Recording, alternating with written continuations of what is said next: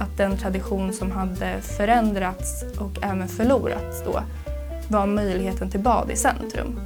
Eh, det fanns nämligen tidigare ett kallbadhus ute på Trosa Pyr eh, från 1870 som revs 1949 om jag minns rätt. Du lyssnar på Samtal i Trosa med mig, Erik Karlberg. Idag lyssnar vi på ett samtal som spelades in för nästan ett helt år sedan där vi träffar en person som har ett stort intresse för hus. Hon kallar sig själv arkitekt, även om många kollegor föredrar uttalet arkitekt. I samtalet pratar vi om hur byggnader konstrueras för att motverka mobbning, vad som är den typiska Trosa-arkitekturen och hur viktigt det är att en stad har årsringar.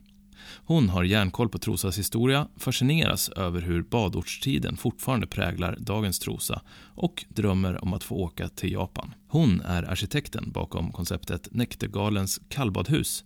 Välkommen att lyssna på samtalet med Andrea Ekman. Andrea Ekman, välkommen till Samtal i Trosa. Tack så mycket. Eh, idag tänkte jag att vi skulle prata en del om arkitektur och Trosa och mm. Trosa som badort och lite sånt där. Men eh, vi börjar med dig. Ja. Eh, och eh, jag har en fråga som jag brukar ställa till gästerna här som är eh, Vem är du i Trosa? Ja, vem är jag? Eh, jag är uppvuxen i Trosa. Bodde här tills jag var 19 år gammal. Men nu har jag inte bott i Trosa på åtta år men jag känner fortfarande en väldigt stark koppling till Trosa och eh, jag har min familj här och min släkt här. Eh, och nu senast då så gjorde jag mitt examensarbete i arkitektur om Trosa. Just det, precis. Och det där ska vi komma in på. Det är eh, jätteintressant. Och, men så just nu bor du? Eh, nu bor jag i Stockholm, bor i Stockholm. och det mm. har jag gjort de eh, senaste tre åren. Eh, och sen innan dess så bodde jag fem år i Göteborg också. Just det, okej. Okay. Just det, och eh, jag har förstått att du, du pluggade då i Göteborg, eller? Ja, precis. Jag flyttade dit eh, efter studenten. Eh, ville se någonting annat eh, än Trosa ja. och något större kanske. Eh, så då flyttade jag dit, men så jobbade jag där två år som barista eh, okay. och försökte lista ut vad jag ville göra med mitt liv. Ja. men eh, då började jag plugga arkitektur efter det, så då läste jag kandidaten på Chalmers i Göteborg. Okay. Och sen så flyttade jag till Stockholm för att ha ett års praktik på arkitektkontor i Stockholm. Eh, och då blev jag kvar och eh, läste mastern på KTH. Okay. Var, det, var det det du hade du liksom siktet inställt på att du skulle läsa master också då? Eller? Ja precis, det visste jag hela tiden. Ja. Det gör man nästan alltid när man läser arkitektur. Okay. Ja. Eh, men planen var väl egentligen att jag skulle läsa den i Göteborg, att jag skulle flytta tillbaka. Mm. Mm. Men eh, när jag hade kommit till Stockholm och varit där ett år och varit så nära familj och de flesta vänner så blev jag kvar. Hur var Göteborg då annars? Det var härligt. Jag tror att det var en ganska bra eh, första stad att flytta hemifrån till. Speciellt när man kommer från en småstad som Trosa. Att det är en större stad men fortfarande har den här småstadsmentaliteten. Eh, så det var ett bra första steg ja. tror jag, innan Stockholm. Just det, precis. Ja, det men, eh, och då jobbade du på, som barista på någon, något café där då? I, ja, i, precis. I mm. två år. Just det. Var det mitt i, mitt i Göteborg? Eller?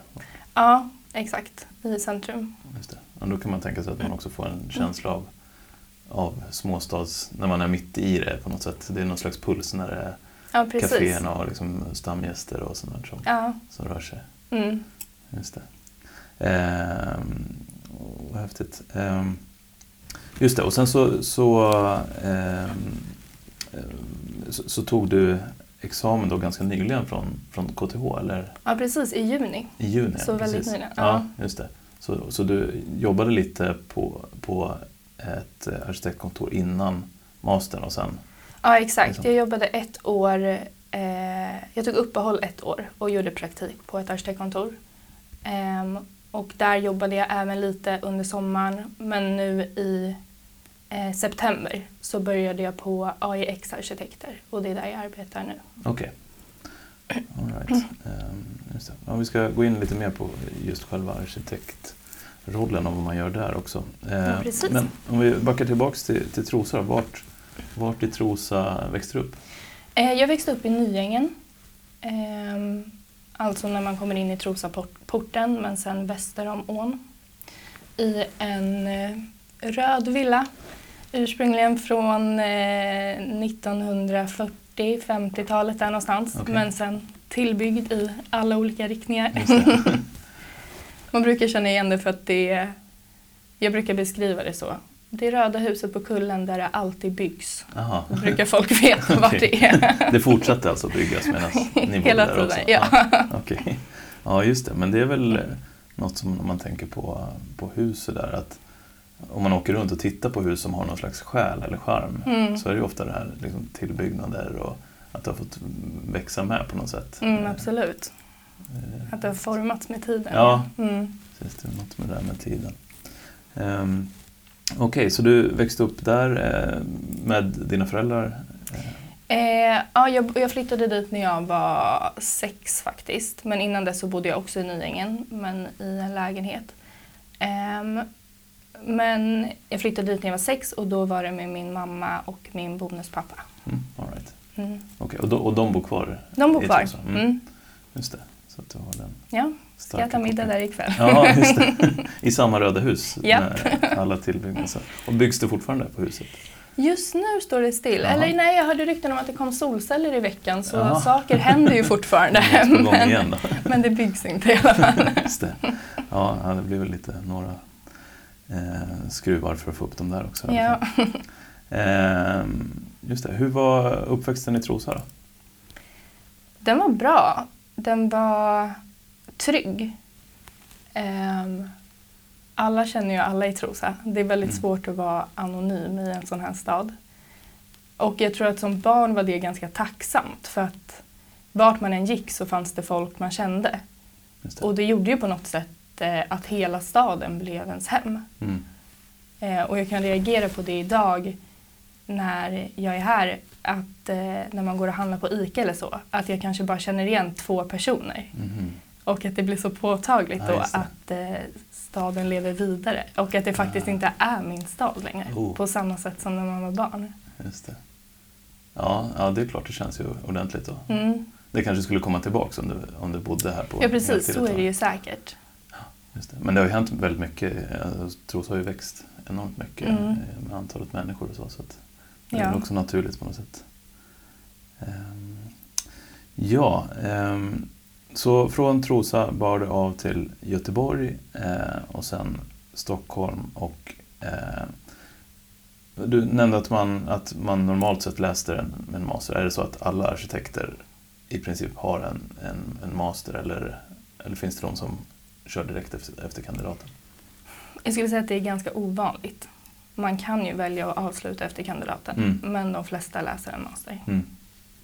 Så är det. det. Vad fick dig att välja arkitektur som karriär? Ja, ehm, det som fick mig personligen att välja själva arkitektyrket är nog att jag tycker det är väldigt kul att man får kombinera både det kreativa och det tekniska.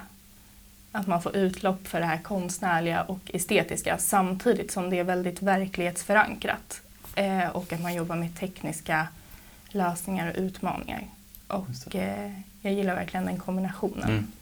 Så det du ritar det ska också funka i verkligheten på något sätt? Precis, Just det är ju en inte bara- fördel. ja, just det. Precis. Ehm, ehm, och, och, och idag så jobbar du då på en, ett, eh, och förresten, en del säger ju arkitekt. eh, Mm. Så här, typ på TV då, då Mm. ser man att då, då ska det vara liksom den som är arkitekt. Ska Precis. säga arkitekt? Hur är det i verkligheten? Säger man så eller säger man? Arkitekt är väl egentligen mer akademiskt att säga. Okej, ja. Det brukar bli så att alla kommer in på arkitektutbildningen och säger arkitekt. Då. Men Mm. sen under utbildningens gång så går man över till att säga arkitekt. För att Man inser att det är lite, lite finare kanske. Ja. Men jag eh, är fortfarande kvar i arkitekt. Okej. Så jag har klarat mig tänkte jag säga. från den där. Ja. Vad, eh, och hur går det på, på jobbet? Då? Så, eh, Är det okej? att Nej men det går bra. Men det det, går bra. är ganska blandat ändå. Ja, Men eh, det är nog vanligare i arkitektbranschen att man säger arkitekt. Men hos folk som inte är i arkitektbranschen så säger man väl arkitekt. kan det vara så att man pratar med andra arkitekter eller andra arkitekter Ja, på så sätt och sen med andra vanliga människor som Ja, man säger arkitekt istället? Ja, man blir ju influerad av vad andra gör såklart. Ja. ja. Just det. Men det ja. ja. vi får se om det kommer. Ja, det kanske kommer med, Inte med för tid. sent än. Just det. Precis. Um, just det. Och uh, hur, vad jobbar du med för slags projekt? Nu har du precis börjat här. Nu har jag precis börjat. Um, det är ett ganska stort kontor. Uh, så de, själva kontoret jobbar både med stadsbyggnad, nybyggnad och ombyggnad och restaurering. Uh, men jag är på avdelningen som jobbar med nybyggnad. Eh, och jag jobbar med offentliga byggnader. Så just nu håller jag på att jobba med en skola. Okej. Okay. Är, du, är du inriktad på något särskilt område inom arkitekturen? Eller? Eh, nej, det är jag inte. Eh, utan vår utbildning är ganska bred och sen blir det snarare så att man inriktar sig eh, i arbetslivet istället, mm. Eh, ofta. Men eh, Just nu är jag ju på forumet på kontoret som ritar offentliga byggnader så man skulle väl kunna säga att just nu är det min inriktning. Det. Men man har ju en kunskap inom andra områden också. Mm. Just det. Och vad kan det, det kan vara då en, en, en ny skola som en kommun ska bygga och så? Mm. Eh, ja, precis. ja precis, det kan vara skola, eh, kontor, eh, idrottshallar, ehm, ja. Hur, Stationer. Hur går det till då? När ni, om, om det är en kommun som ringer till er och säger hej, nu ska vi bygga en, eh, ett badhus. Eh, ja, precis. I, ja, precis. I projektet eh, jag arbetar nu så är det en ganska tidig fas. Ehm, så då håller vi på att lämna in inför en detaljplaneändring. Så då handlar det ju bara om att vi ska förmedla en idé, vad, vi tycker, vad som skulle kunna bli på den här platsen. Ehm, så då handlar det väldigt mycket om att analysera platsen och dess förutsättningar eh, och historia eh, för att eh, göra ett så ehm, ja, men, rättvist och bra förslag som möjligt på den här platsen. Ehm, och förhoppningsvis då vill politikerna gå med på det mm. och ändra detaljplanen för det. Just det. Utgår ni då från, från platsen i första hand eh, och liksom platsens historia eller, eller har, finns det någon förutbestämd idé om Ska det vara liksom modernt eller klassiskt eller finns det något sånt som man vet Nej, innan? Ja, precis. Nej, det kommer väl snarare under projektets gång skulle jag säga. Utan från början så är det ju programmet eh, som beställaren vill ha och själva förutsättningarna på platsen som styr skulle jag säga. Mm. Eh, och, och det innebär då, programmet innebär det, vad är de Ja precis, om det är en skola så ja, är det en skola mm. och hur många eh, klassrum ska det vara och vilka mm. klasser ska finnas. Eh, och då i ett sånt tidigt skede så jobbar man ju väldigt mycket bara med volymer. För att placera volymer på tomten och med höjder och former. Eh, men det är klart att man ganska tidigt jobbar upp en tanke om vilken typ av arkitektur eh, som ska finnas. Mm. Och det blir ju ofta inspirerat av platsen. Mm, andra byggnader. Precis, och det är också så jag gillar att arbeta, att eh, analysera den redan byggda eh, miljön. Mm. Och eh, ta hänsyn till den när man ritar ett nytt projekt. Just det. Och, och hur gör du då? Åker du ut på platsen och ja, går absolut. och tittar? Och... Ja, det, måste, ja. Mm. det är verkligen eh, ett måste. Det gör man tidigt då? I, ja. ja. Och flera gånger ofta. Just det. Och, och då till exempel om, om det är en skola som ska byggas, hur mycket... Jag tänker att en skola ska också ha några, någon idé om liksom inuti då, storlek på klassrum eller vad mm. slags. Eh, hur mycket är, är det ni som gör det som arkitekter? Är ni liksom inblandade i allt? Eh, alla de grejerna, funktioner och det ska vara under kapprum. Och, Precis. Eh. Det finns ju oftast ett program som avgör hur stora alla rummen ska vara. Okej, okay, så det har de ehm, liksom Precis, men sen så är det ju vi som eh, liksom placerar ut dem och eh, kan rita på samband mellan de rummen och rörelser i byggnaden. Just det, ja, just det för det behöver ni också ta hänsyn till Precis. hur långt är det till matsalen eller Precis, och sen så får vi ju ofta hur många kvadratmeter något ska vara. Men sen mm. så kan man ju vara flexibel med hur det ska utformas. Just det. Är det svårt att få ihop då? Om, om de säger att vi ska ha så här många rum och så här många kontor och så här? ja, det, alltså det är ju en del av processen och det är det som är kul. Att det blir ju en slags problemlösning. Mm. Att man har en tanke om en volym och en fasad och så ska man få det att passa ihop med de här kvadratmeterna och eh, rummen och funktionerna som ska finnas. Det. Och det är det som är så kul, att sitta och pussla med det fram och ja. tillbaka tills det sitter. Just det, tills man har en färdig ja. plan. Ja, det kan jag tänka mig att det blir ganska komplext mm. fort då. Att det kan väl vara saker som utsikt eh, eller liksom om det ska vara stora fönster, ljusinsläpp och kanske blir för varmt istället. Alltså sådana här ja, grejer precis. också som man behöver ta hänsyn till. Ja precis och det tycker jag har varit väldigt kul nu eh, när jag har jobbat med skola, för jag har inte gjort det tidigare, att man behöver också så mycket ta hänsyn till barn och hur barn tänker. Mm. Och det blir ett helt nytt tankesätt att sätta sig in i. Till exempel att eh, klassrum ska helst inte vara mot skolgården för då distraheras de om de ser andra barn leka. Det känns ju självklart när man hör det mm. men det är inget man kanske tänker på. Och att eh, det helst inte ska vara för många våningar för att då tar det tid att gå ut på rasten. Sådana saker. Just det. Ja, så det, det är ett jätteintressant ja, eh, tankesätt. Varenda grej är verkligen sådär. Ja just det, det låter självklart men det tänker man inte på Nej, i precis. första hand. Ja. Just det. Men hur mycket är, det känns som att det tangerar psykologi och sådana här saker också då, det man håller på med på något sätt? Ja, precis. I, I projektet så har vi, vi gör en barnkonsekvensanalys också så det är väl snarare den som eh, kollar på sådana saker. Och eh, mobbningshörn var ju ett nytt begrepp för mig också men att man ska Aha, undvika sådana hörn. Och det är såklart att det måste man ju ta hänsyn till mm. när man ritar och se till att eh, planlösningen inte resulterar i sådana ytor. Just det, precis. Ja, man kan liksom med, med byggnadens hjälp eh, mm. påverka hur, ja, precis. hur eh, livet där blir på något sätt. Mm. Och så är det ju med alla byggnader som gestaltas. Ja, det är sant. Att eh, det är ju inte bara ett estetiskt värde utan det går ju att påverka ja, men mycket med en byggnad. Just det, hur livet där blir. Mm, Även precis. ett bostadshus och hur man mm. Eh, ska leva livet där sen. Ehm, ja, men det är ju eh, jätteintressant hur, hur de här olika delarna ehm, kommer in i, i det. Och, och, men sen när ni håller på att jobba med det här, till slut blir det någon skiss och, och ritningar och sånt är det det som blir slutresultatet? Eh, en, en, en ritning då? Eller vad, hur går den processen? Ja, väldigt många ritningar. Väldigt många ritningar, ja, såklart. Ja. Och eh, många ritningar i olika skeden.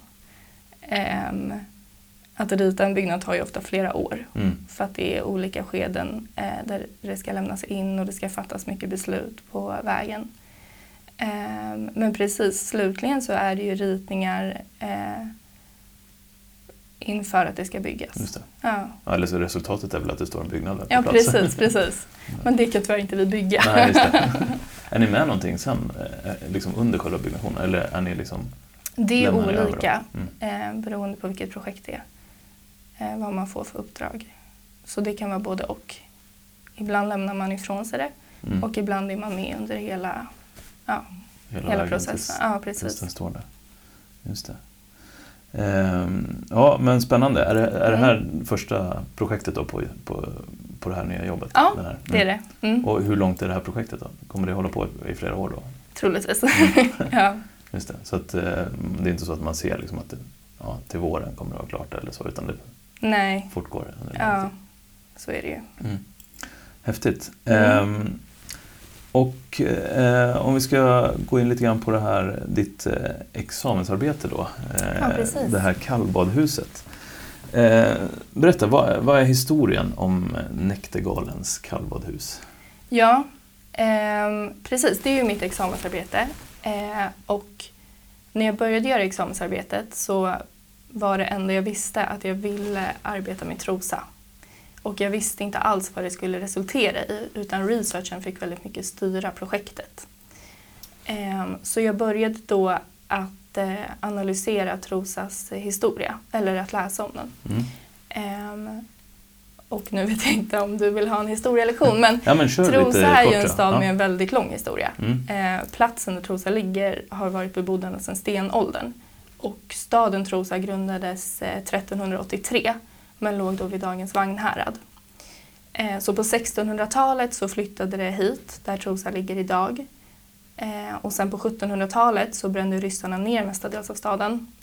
Men den byggdes upp igen och sen 1800-talet då så har Trosa varit en badort med turism som huvudnäring. Och eh, det jag tyckte var så intressant var att när Trosa blev en badort på 1800-talet så formades ju staden efter turisternas eh, behov och intressen. Och hur det har kommit att leva vidare och blivit till eh, traditioner som präglar staden så mycket än idag. Jag satt och kollade mycket på gamla fotografier mm. och såg då eh, turister promenera längs med Trosån redan mm. på 1900-talet, exakt som det ser ut idag. Eh, och eh, att det hölls aktioner på Garvaregården, man åkte ut med båt i skärgården. Eh, Trosa camping var full med massa tält. Man dansade på dansbana. Och allt det här är ju det som präglar staden idag, även om det har moderniserats och att man idag till exempel eh, dansar i en barmiljö mm. istället. Men det jag då reagerade på var att den tradition som hade förändrats och även förlorats då var möjligheten till bad i centrum. Eh, det fanns nämligen tidigare ett kallbadhus ute på Trosa Pyr eh, från 1870 som revs 1949 om jag minns rätt. Så det var där eh, projektet började, att jag ville återinföra den här badmöjligheten i centrum. För jag tycker att det är väldigt synd att Trosa är en badort och en turistort. Men samtidigt så är havet ganska otillgängligt mm. och badplatserna eh, är ganska få och det krävs att man vet var de finns för att de inte så synliga. Och eh, man behöver ofta båt för att ta sig ut i skärgården eller bil för att ta sig till närområdena för att, för att bada. För att bada ja. ja, det, det är jätteintressant med alltså, badort som koncept. Det innebär väl att man ska kunna bada ja, i stan på något sätt? Ja, man kan ju tycka det. Ja, det är väl lite, ja det är väl samma period, men Södertälje där är det samma sak. att det finns där badhotellet och mm. massa sådana här, eh, när det var en badort eh, mm. även där. Men där, det är samma sak där, det finns ju inga Nej. möjligheter alls att bada inne i, inne i stan. Eh, vet du om det fin, finns det några badorter runt om i Sverige som har kvar, som lyckas ha kvar den här funktionen? Ja, det finns det ju. Eh, absolut. Och sen märker man ju nu även senare år att eh, det är ju många städer som har börjat återinföra det. Och jag vet ju att Trosa också har eh, haft eh, samtalsämnet uppe flera gånger. Eh, att de har velat återinföra det, men det. det har inte blivit av. Mm. Ehm, så det vore ju jättekul om det hade kunnat ske. Och jag tror att det hade varit en otrolig kvalitet ja, i stan. Precis. Så, så då, eh, du analyserade historien och, mm. och, såg det här. Och då där på 1600-talet när Trosa flyttade ut hit. Mm. Innan dess så var, vad jag förstått, var det eh, vattnet gick längre in då helt enkelt. Precis. Så det var väl som någon vik som gick in mm. en bit in till. Precis. Längs med ån antar jag in mot, mot Vagnhärad. Mm. Och sen att den eh, ja, marken lyftes upp så att man flyttade ut det på något sätt. Ja, precis. Ehm, men sen ehm, så, så då ville du göra någonting här. Hur, hur gick tankarna sen när du eh, valde att liksom, det, det är det här mm. som ska Ja, bli? för att då, precis, där eh, fick jag ju programmet egentligen. Att jag ville återinföra eh, badmöjligheterna i Trosa. Men Sen så vill jag inte bara gestalta ett kallbadhus utan kallbadhuset som program blev ju eh, som sagt ett resultat eh, av den här researchen. Utan huvudfokuset var snarare hur man kan gestalta samtida arkitektur i en så traditionell kontext som Trosa är. Eh, och det var ju också lite därför jag ville arbeta med Trosa. Såklart är det min hemstad och det finns ju något fint i att eh, göra sitt examensarbete om sin hemstad. Men också att jag tycker att det är väldigt intressant den utmaningen vi står inför. Att det är en stad med väldigt eh, idyllisk och pittoresk eh, identitet. Och vad kommer hända med den identiteten i takt med att ny bebyggelse börjar ta över staden? Så jag ville utforska hur man då kan bygga eh, ny bebyggelse och hur man kan gestalta den i samklang eh, med den här gamla bebyggelsen utan att försöka efterlikna den. För jag tycker mm. att det är viktigt att det får spegla samtiden och att en stad får utvecklas men att det ändå finns någon enlighet med det traditionella. Just det. Hur tycker du att Trosa framtid nu då har, mm. hur har man lyckats med det? För det har ju byggts en del nya eh, jag tänker på, ja egentligen här, nu sitter vi här nere vid, mm. vid hamnområdet eh, och här finns det ju en del, eh, ja vad är det då, någon slags tvåvåningshus som är, man skulle kunna tänka sig ha en liten sån Precis. stil. Liksom. Vad, hur tycker, tycker du att man lyckas på något sätt, har lyckats med dem? Um, men jag det har ju byggts väldigt mycket områden eh, på senaste, de senaste åren egentligen. Mm. Och eh, jag tycker att det är väldigt bra att det byggs och att vi låter staden utvecklas. Och jag tycker att man ser, med det mesta som byggs tycker jag man ser att det finns en tanke om att det också ska eh, passa in i den här kontexten. Men sen är det klart att det finns mer och mindre lyckade eh, projekt. Till exempel kan jag vara lite tveksam till att man väljer att slå upp 80 stycken exakt likadana villor i ett område. För jag kan känna att den massproduktionen kanske inte eh, är synonymt med en småstad som Trosa för mig. Ehm, men sen till exempel, vi har ju ett kvarter eh, bakom oss här någonstans som byggdes mittemot Bomans. Eh, mm, det, var det. Mm. det är ju ett väldigt bra exempel mm. på ett lyckat projekt som dessutom är byggt i stadskärnan. Eh, så den står ju väldigt nära alla de här traditionella eh, villorna. Och det har ju till och med vunnit något pris för god arkitektur av Sveriges arkitekter. Så där har man ju verkligen lyckats göra en samtida bebyggelse som också passar in i den här kontexten. Mm.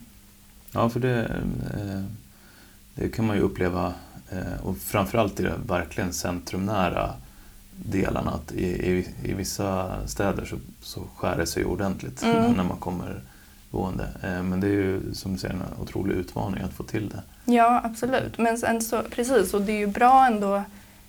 Trosa stadskärna är ju ett riksintresse för kulturmiljövården. Vilket innebär eh, att det ställs ganska höga krav på det nya som byggs. Okej, okay, det finns sådana ja, officiella krav? Liksom. Precis. Um, men det är väldigt intressant även det som byggs i utkanten av Trosa. Mm. För det måste ju också på något sätt kännas som Trosa mm. och man vill ju att det ska ha samma själ som mm. resten av Trosa. Hur gör man då? då? Eh, vad tänker du? Ja, Om man ska man bygga, bygga 80 villor, hur, hur, får man till det? Ja, man kanske inte ska bygga 80 likadana villor. Eller så gör man det. Men det var ju det jag ville utforska då i det här examensarbetet. Mm. Eh, och eh, i det projektet gick jag tillväga så att jag började analysera den eh, trosatypiska bebyggelsen och eh, lyfte fram attribut. Finns det en trosatypisk arkitektur? Eh, ja, det skulle jag säga. Det är klart att det finns eh, olika typer av arkitektur men det finns ju en slags arkitektur man tänker på när man tänker Just på Trosa. Men den kan också finnas på andra platser? Då, ja, absolut. Mm. Um, absolut. Men det jag tänker på är ju de här äh, trävillorna. Eh, de pastellfärgade längs med Trosaån och även de eh, röd, röda som är mer vid Garvaregården på Östra Långgatan. Eller Västra Långgatan, förlåt. Mm. Um, och det var den bebyggelsen jag började analysera för att då hitta samband i den och också försöka definiera för mig själv varför jag tyckte om den. Eh, så då lyfte jag fram framförallt fem stycken eh, attribut. Och eh, det ena var ju såklart att bebyggelsen är i trä. Eh, vilket också är väldigt bra som material för att det är ett hållbart material och väldigt vädertåligt material. Men också att ehm, Eh, fasaderna är uppdelade genom att panelen byter riktning ofta. Vilket gör att bebyggelsen hålls väldigt småskalig och ger hela stan en väldigt mänsklig skala. Eh, och sen även att eh, bebyggelsen är väldigt omsorgsfullt gestaltad med mycket snickarglädje och detaljer. Ehm, och att den här variationen på riktningar i fasad och alla detaljer balanseras ofta genom att bebyggelsen är symmetrisk mot gatan och slutligen eh, det traditionella sadeltaket då. Och det var de fem eh, attributen jag hade med mig när jag började gestalta kallbadhuset. Ehm, och jag utgick då ifrån dem och eh, tolkade dem på ett samtida sätt. Så att de, de karaktärsdragen finns fortfarande med i byggnaden även om det är lite mer subtilt och att det är anpassat för samtiden. Du lyssnar på podden Samtal i Trosa där vi träffar intressanta personer med utgångspunkt från och i Trosa. Om ni inte lyssnat på de tidigare avsnitten, sök upp Samtal i Trosa i din favoritpoddspelare.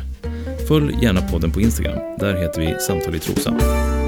Vad är det i, i den eh, designen som är samtida då? Eller vad, vad, vilka element bidrar samtiden till? Precis, eh, det är en intressant fråga. Men till exempel sadeltaket på eh, det här kallbadhuset har en mycket flackare eh, lutning än vad man gjorde ehm, på den här traditionella bebyggelsen. Och även så har den ett takutsprång på sidorna som går ut en och en halv meter som skapar skyddade passager längs med byggnaden eh, där man rör sig.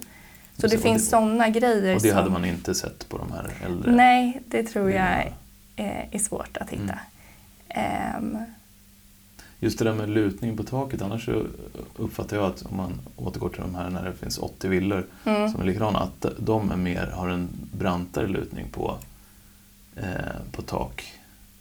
En, en del av, eh, mm. kanske inte de här just eh, som vi pratar om nu, men många nyare villakonstruktioner har ganska branta tak jämfört med Ja, precis. Men det här taket har ett väldigt, eh, på Näktergalens kallbadhus har en väldigt flack vinkel. Um, men det är såklart, jag tror att det är det att eh, dagens bebyggelse eh, kan vara lite mer flexibel. Mm.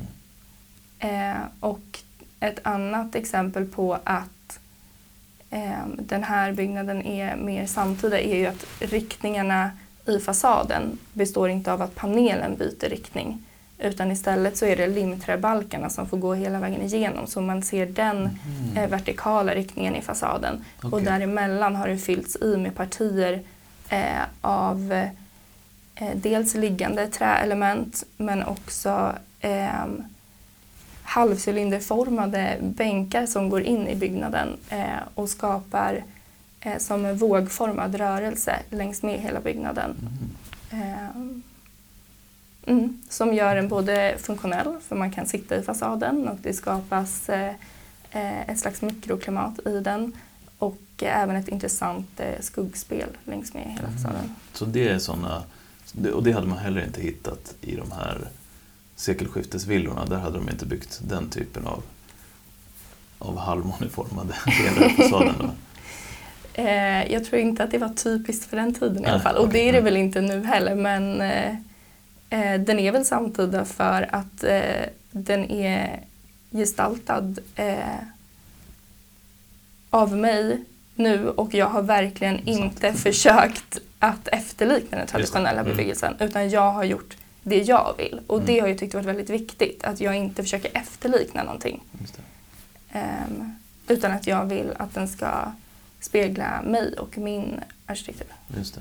För det, för det kan vara en annan ände av att försöka, om man efter, försöker efterlikna för mycket, kan det bli något problem med det då? Eh, att man liksom försöker bygga precis som det var fast det inte, var, fast det inte är så gammalt?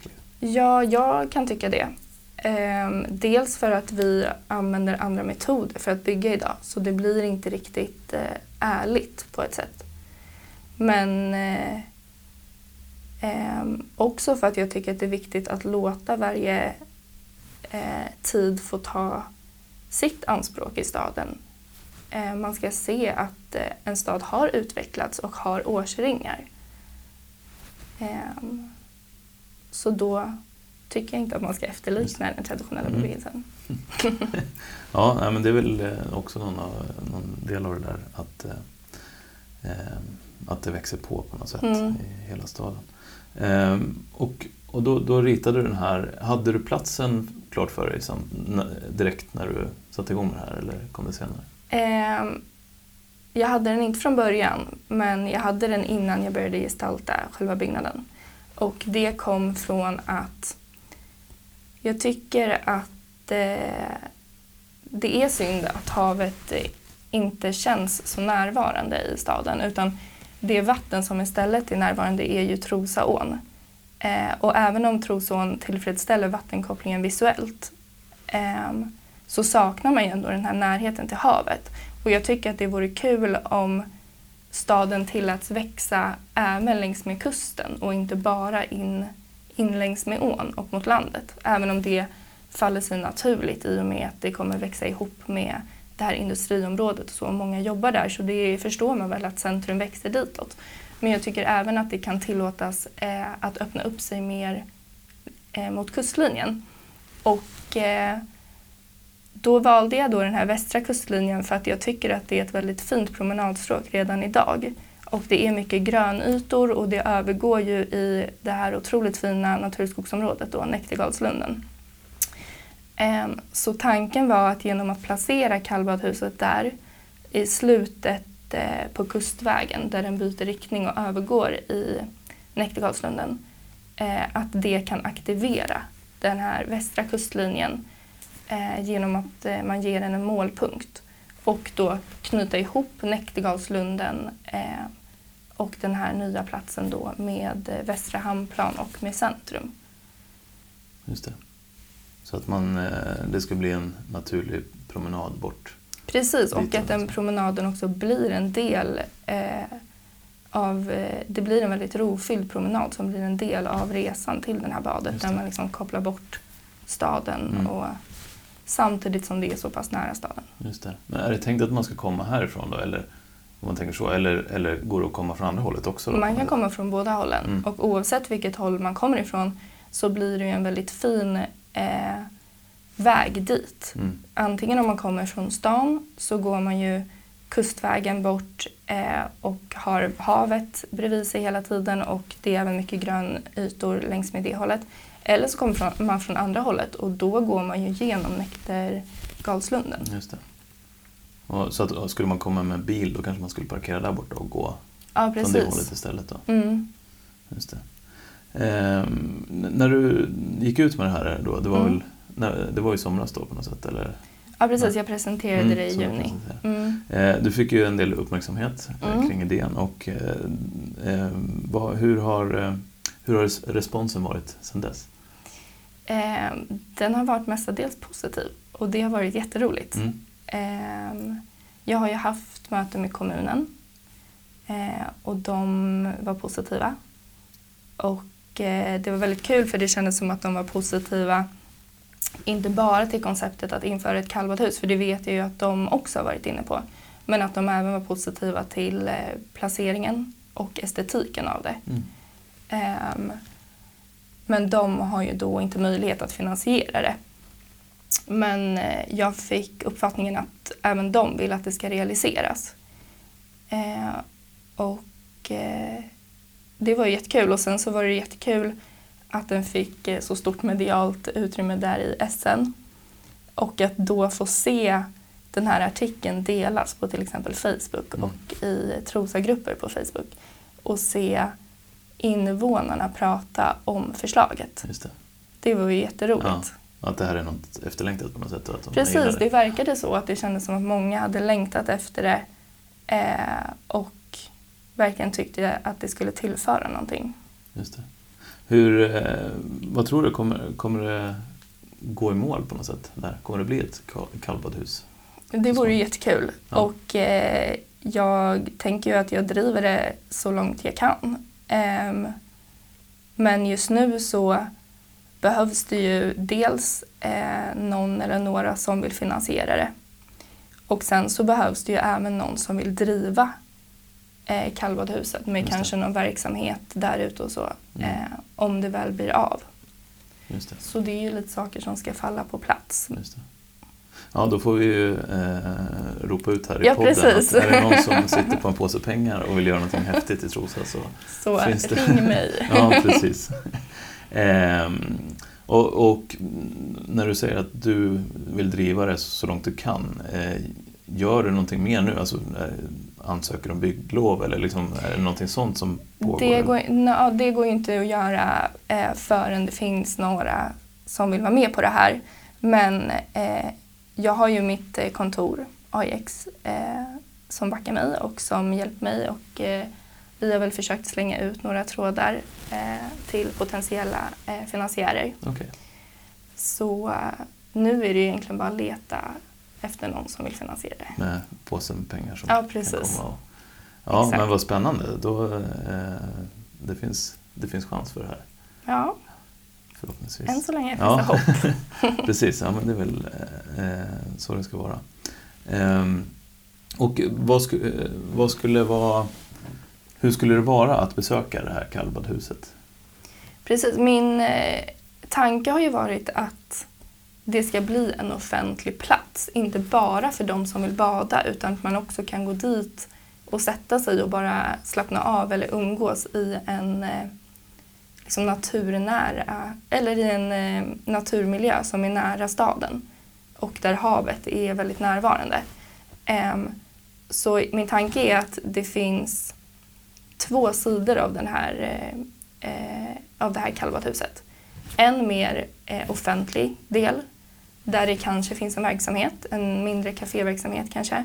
Och eh, de här bänkarna då som finns i fasaden gör det möjligt att bara gå dit och sitta, kanske köpa något från kaféet eller inte göra det. Och att det även finns möjlighet till eh, ett snabbt dopp där.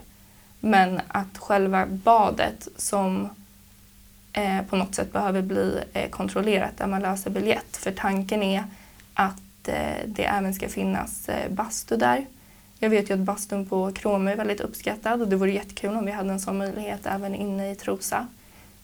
Um, så den sidan blir ju någon slags eh, mer kontrollerad miljö då. Eh, där det kommer behöva tas något mindre inträde. Det.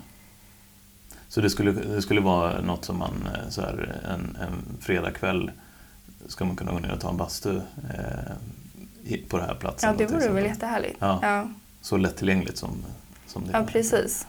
Ja, häftigt. Eh, ja, då finns det ju kanske potential att det inte bara vara öppet på sommaren också. Om det... Ja, nej, exakt. Och det känns ju som att vinterbad eh, har ju slagit igenom jättemycket de senaste åren. Just det, ja, det här är platsen för det. Ja, precis. Och sen går det ju kanske att nyttja till annat på vintern också. Man hade ju kunnat gå ut och åka skridskor mm. eh, och så. Just det. Hur, eh, ska vi bara försöka tänka på hur förhåller den sig till den här, skarv, eh, den här skarven? Precis, skarven. Den ligger eh, ändå en bit ifrån skarven, mm. inne i Tureholmsviken. Eh, men det är klart att eh, Skarvön är en utmaning, men det är det ju på ett sätt över, i hela Trosa. Mm. Eh, när vinden ligger på så kan man ju känna det över hela Trosa. Mm. Ja, precis.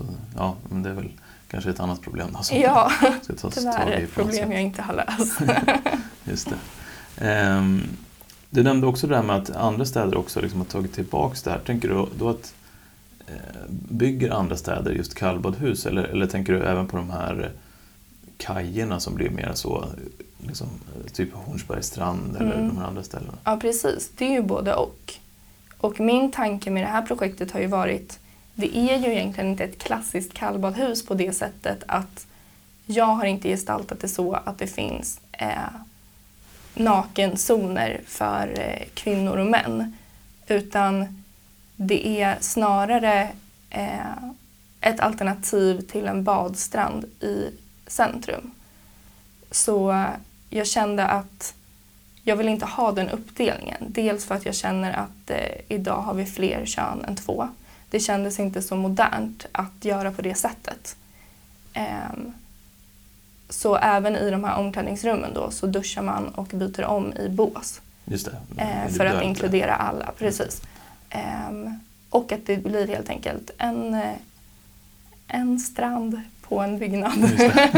Strand på en byggnad. ja. ja. Just det, men för de traditionella kallbadhusen då var det mer så? Eh, liksom ja, precis. Var... Och så var det ju även på det eh, som fanns i Trosa tidigare. Mm. Att det var så. Två uppdelade zoner. Vad fanns det mer på sånt? Fanns det även där liksom ett litet café och sånt på den tiden? Eller? Nej, inte här i Trosa i alla fall. Nej. Um, utan dit gick man väl väldigt mycket för att lära sig simma. Mm, um, och, eh, och då såklart för ritualen att eh, hälsoritualen att rena sig. Men när man har läst om de här eh, texterna från Sörmlands museum som sitter uppe över staden så är det ju historier från folk som har gått dit och lärt sig att simma. Mm. Just det.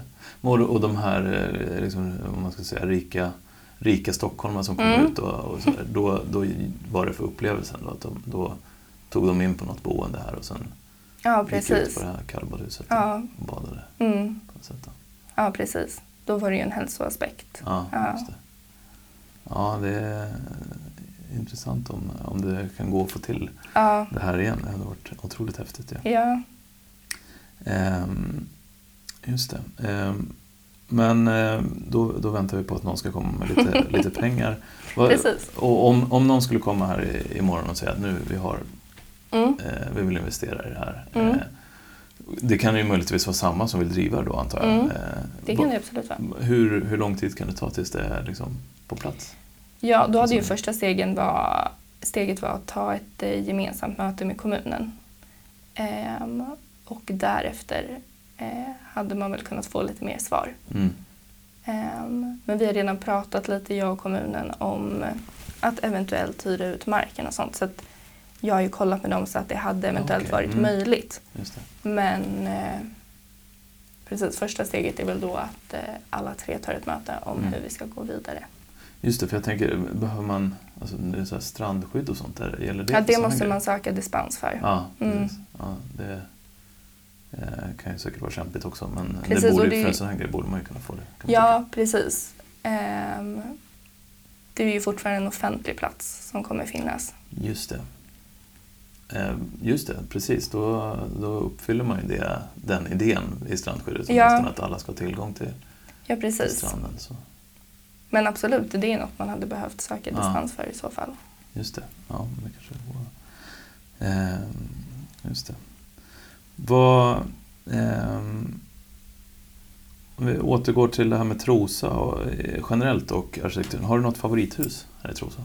Eller något favoritarkitektur? Eh, favorithus? Förutom det röda eh, huset ja. som byggs på Ja, precis. Det finns ett hus eh, som jag gillar jättemycket på Östra Långgatan.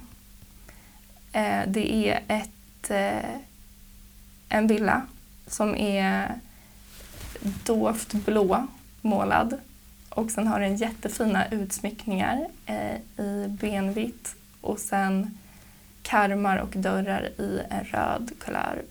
Och jag har fått för mig att det kan ha varit en skola förr i tiden men jag tror kanske att jag hittar på det. för, för historiens skull. Men någonting har det varit. Eh, ett församlingshem, någonting har det varit. Eh, och när man går förbi där och tittar in i fönstret så har de haft ett jättestort avokadoträd hela vägen upp till tak där inne. Aha, och jag aha. älskar det huset. Jag tycker det är så fint. Häftigt. Så det är egentligen, eh, ja, det är väl en, en, ett Trosa-typiskt hus. Just det. Kan man säga. Precis, men med lite annorlunda färgsättning då? Om det är ja, röda Ja, det är jättefint. Ja. Mm. ehm, och eh, vart eh, badar du helst i Trosa då? Eh, innan ditt kallbadhus finns på plats? Ja, precis. Ehm, nu har ju min familj båt så jag badar ju helst eh, ute. På eh? På Ja, mm. Att bara lägga till på någon ö där mm. det inte är så mycket andra båtar. Um, för det är ju just det, att det är inte så lätt att hitta badplatser i Trosa. Och eh, alternativet om man ska ta sig eh, till fots eller med cykel det är väl ofta Öbolandet.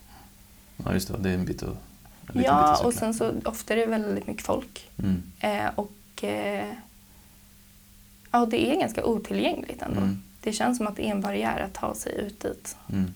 Det är konstigt egentligen hur, hur det där med bad... Jag bor ju på Mörke och där, det är mm. lite samma sak där. Alla bor nära vattnet på något sätt men det är inte så att, man, liksom, att det är helt uppenbart vart man kan mm. Men ni har ju en fin strand där ute på Mörke. Mm.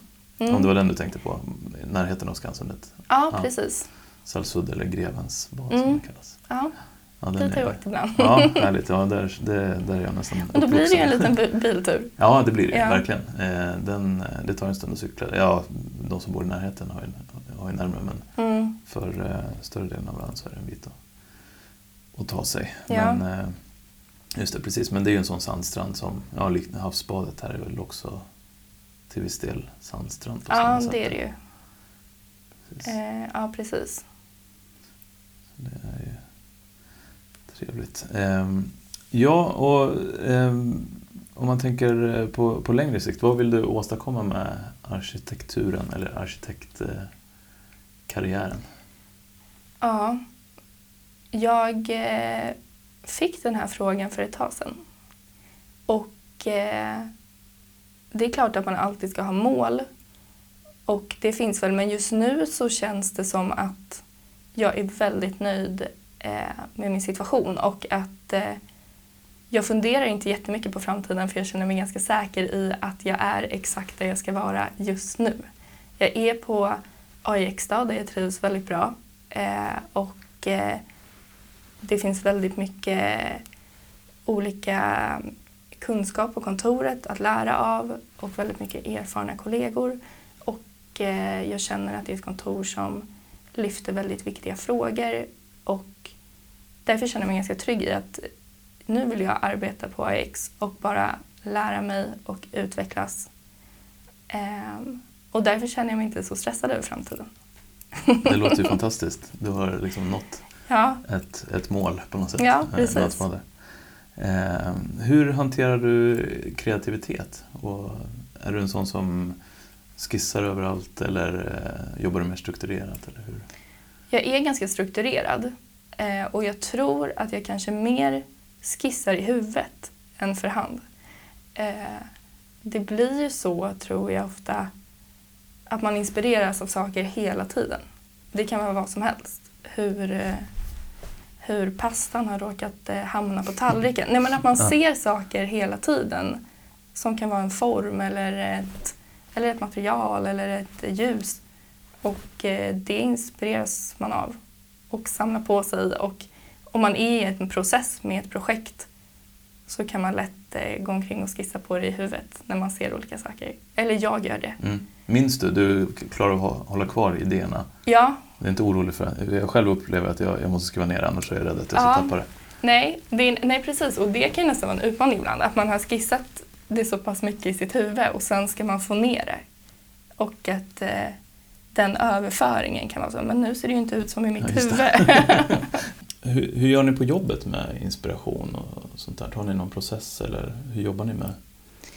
Eh, ja, jag tror att det är ganska individuellt hur man inspireras. Men eh, något man gör tillsammans hela kontoret är ju väldigt mycket att inspireras av redan byggd arkitektur. Eh, och framförallt genom att eh, gå på studiebesök. Dels åka på studieresor men också gå på studiebesök i sin egen stad och eh, se det redan byggda det är ganska svårt att bli inspirerad när man bara sitter inne på ett kontor utan det krävs ju ofta att man tar sig ut eh, och ser saker. Går ni ut då, liksom hela, hela gänget, så här, nu ska vi ut och kolla i den här delen av Stockholm eller, eller ja, att ni åker absolut. till eh, Jönköping? Det händer. Eller så? Eh, det händer, båda, båda, båda delarna, okay, precis. Ja. Och det kan också hända så eh, man går ju på ganska mycket studiebesök. Nu till exempel då när jag ritar en skola så har vi ju kollat på nybyggda skolor för att inspireras eh, och eh, ja, man ser ju direkt eh, saker som funkar, saker som inte funkar och det är ett väldigt lärorikt sätt. Mm. Men också tror jag att man inspirerar varandra väldigt mycket genom att bara ha en dialog hela tiden. Får du bjuda med dig kollegorna hit till Trosa någon gång? Ja, det vore jättekul. De är ju väldigt eh, investerade nu i mitt Kalmarhus ja, så att, vi får behöver, väl göra det. de behöver förstå vad som ligger bakom det. Precis. eh, och, men under, under pandemin då, då, då har det varit kanske svårare att röra sig runt. Hur, hur har ni hanterat det då? Ja precis, det har ju det. Eh, jag skulle faktiskt, eh, när jag pluggade på KTH då, vilket jag gjorde under större delen av pandemin, eh, så skulle vi åka till Japan med min studio resan var redan bokad men sen så eh, kom ju pandemin.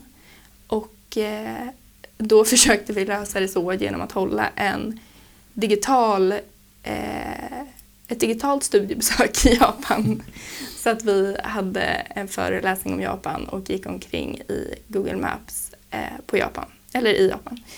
Eh, men det blir ju inte riktigt samma sak.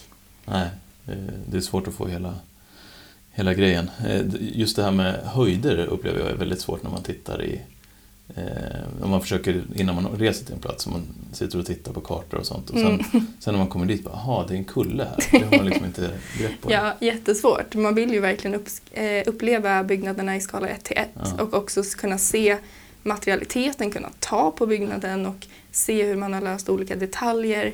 Och det eh, måste man ju ta sig ut eh, för att se. Och det har ju varit svårt under pandemin att eh, ja, det är nog absolut så att inspirationen har blivit en utmaning. Just det. Och då blir det lite svårare med kreativiteten under, ja. under den här perioden. På något sätt. Ja, Var, vart bär det av härnäst då för inspiration för dig?